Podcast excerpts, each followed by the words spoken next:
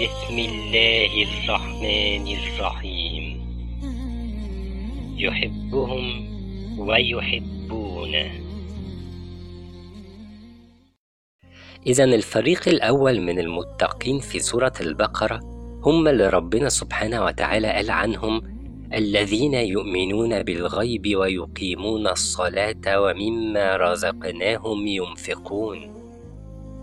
وبعض العلماء قالوا إن الفريق الثاني من المتقين ورد وصفهم في الآية التالية مباشرة اللي ربنا سبحانه وتعالى قال لنا فيها والذين يؤمنون بما أنزل إليك وما أنزل من قبلك وبالآخرة هم يوقنون. والبعض الآخر من العلماء قال إن ده استمرار لوصف نفس الفريق.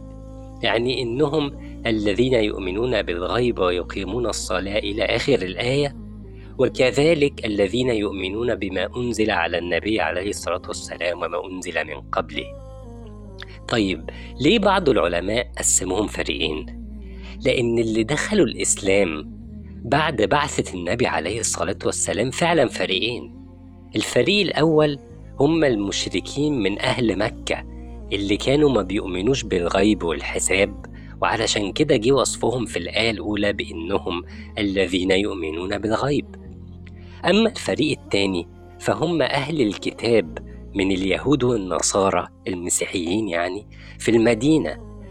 وعلشان كده ربنا سبحانه وتعالى وصفهم هنا وقال والذين يؤمنون بما أنزل إليك وما أنزل من قبلك وبالتالي يبقى إحنا عندنا فعلا فريقين من المتقين بعد دخولهم في الإسلام. الفريق الأول كانوا من مشركي العرب والفريق الثاني كانوا من أهل الكتاب. ورغم كده فالفريقين بيشتركوا فعلا في كل صفاتهم. يعني إيه؟ يعني الفريق الأول اللي بيؤمن بالغيب وبيقيم الصلاة وبينفق لوجه الله أكيد برضه بيؤمن بالوحي اللي بينزل على النبي عليه الصلاة والسلام. وبيؤمن بسيدنا موسى وسيدنا عيسى عليهم السلام وبما أنزل عليهما. طيب الإنزال في اللغة هو الانتقال من مكان مرتفع لمكان منخفض. وهنا بيطلق مجازا على نزول الوحي من السماء إلى الأرض تشريفا للوحي لأنه عطاء من رب العالمين سبحانه وتعالى. وهنا برضو لو تاخد, لو تاخد بالك فعل يؤمنون الذين يؤمنون بالغيب. فعل مضارع علشان يفيد استمرارية الإيمان بما ينزل من الوحي. وكذلك استمرارية الإيمان بما نزل على موسى وعيسى عليهم السلام في الحاضر وفي المستقبل. فأنت هتفضل تؤمن بما نزل عليهم عليهم السلام النهارده وبكرة ولحد يوم القيامة كمسلم. وختم ربك سبحانه وتعالى وصف الفريق الثاني من أهل الكتاب بقوله تعالى وبالآخرة هم يوقنون.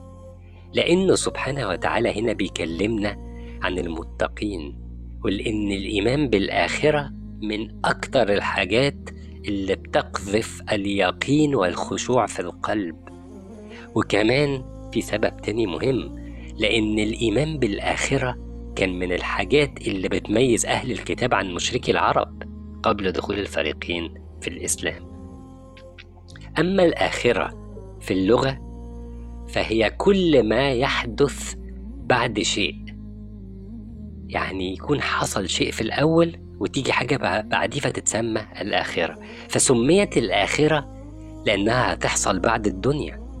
فالحياة الدنيا يقال عنها العاجلة. وأما الحياة الآخرة بعد البعث والحساب فهي الآخرة. وبالآخرة هم يوقنون. ويوقنون يعني يبقى عندهم قناعة بحدوث الشيء بعد ما كان عندهم شك وبعد تفكر وتدبر في الأدلة على الحدوث. وبالتالي ينقلب الشك اللي كان عندهم في الآخرة إلى يقين لا يقبل الاحتمالات. وخد بالك إن ربك سبحانه وتعالى قدم هنا المجرور على الفعل. فبدل سبحانه, سبحانه وتعالى ما يقول ويوقنون بالآخرة قال وبالآخرة هم يوقنون. وكمان أضاف ضمير هم في النص لسببين. أولا لأهمية الإيمان بالآخرة واليقين بها وثانيا ثناء ومدحا وترقيقا لقلوب أهل الكتاب. اسمع تاني. وبالآخرة هم أهل الكتاب يوقنون. ترقيقا لقلوبهم لأنهم أصلا مؤمنين بالآخرة في دينهم. فالأولى بيهم أنهم يدخلوا في الإسلام. فاللهم لك الحمد على نعمة الإسلام. وكفى بها نعمة. رب اغفر وارحم وأنت خير الراحمين.